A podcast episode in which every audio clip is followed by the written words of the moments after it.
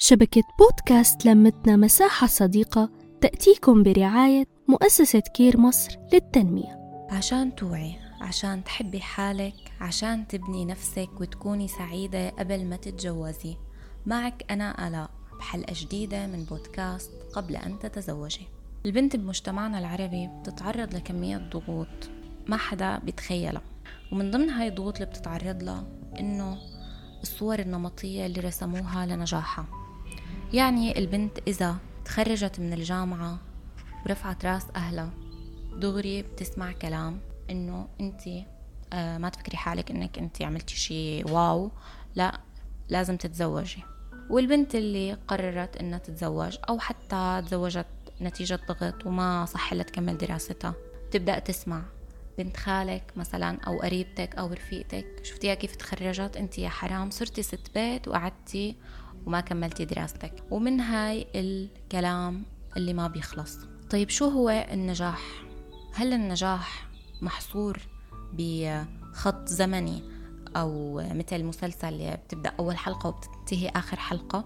هل النجاح انرسم من قبل وإحنا مو عارفين؟ وكمان من الأشياء اللي أثرت على رسم صورة نمطية للنجاح هي مواقع التواصل الاجتماعي.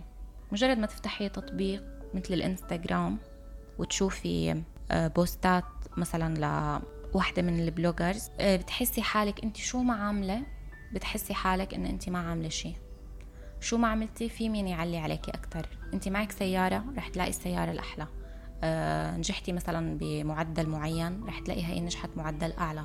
رحتي مثلا انبسطتي بمكان صيفتي رح تلاقيها مصيفة بمكان أحسن ولابسة مايو أحسن وعم تاكل أكل أحسن.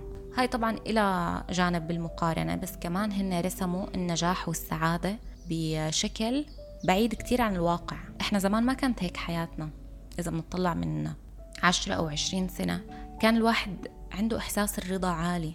لما يوم عن جد كانوا يقولوا عنا بسوريا السرتفيكا إنه التاسع. كان اللي معه سرتفيكا يعني مثل هلأ دكتوراه.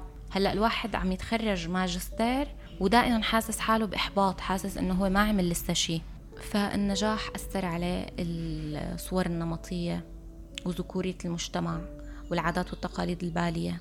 وحاليا السوشيال ميديا كله لعب بتنميط ورسم صورة النجاح. بس الحقيقة إنه أي شيء أنت بتعمليه بحياتك هو نجاح.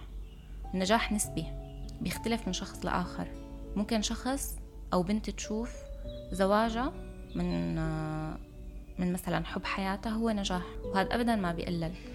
في بنات قررت إنه ما بدها تتزوج هلأ بدها تتخرج تكمل دراسات عليا تلاقي شغل أو تسافر مثلا تاخذ منحة دراسية من برا. هذا نجاح. ممكن بنت حبت تقعد بالبيت. هذا نجاح كفي انها هي سعيدة.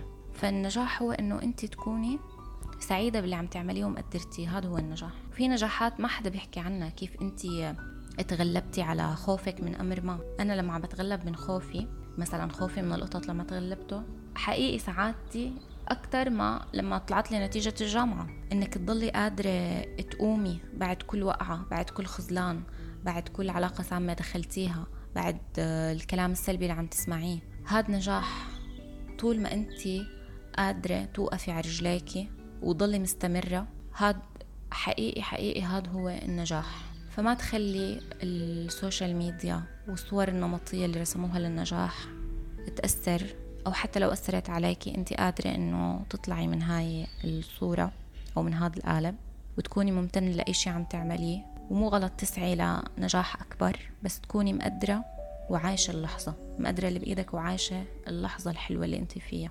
بهيك عزيزتي بتنتهي حلقتي معك وبلاقيكي بحلقة جديدة الأسبوع المقبل. مع السلامة. نحكي نتشارك نتواصل.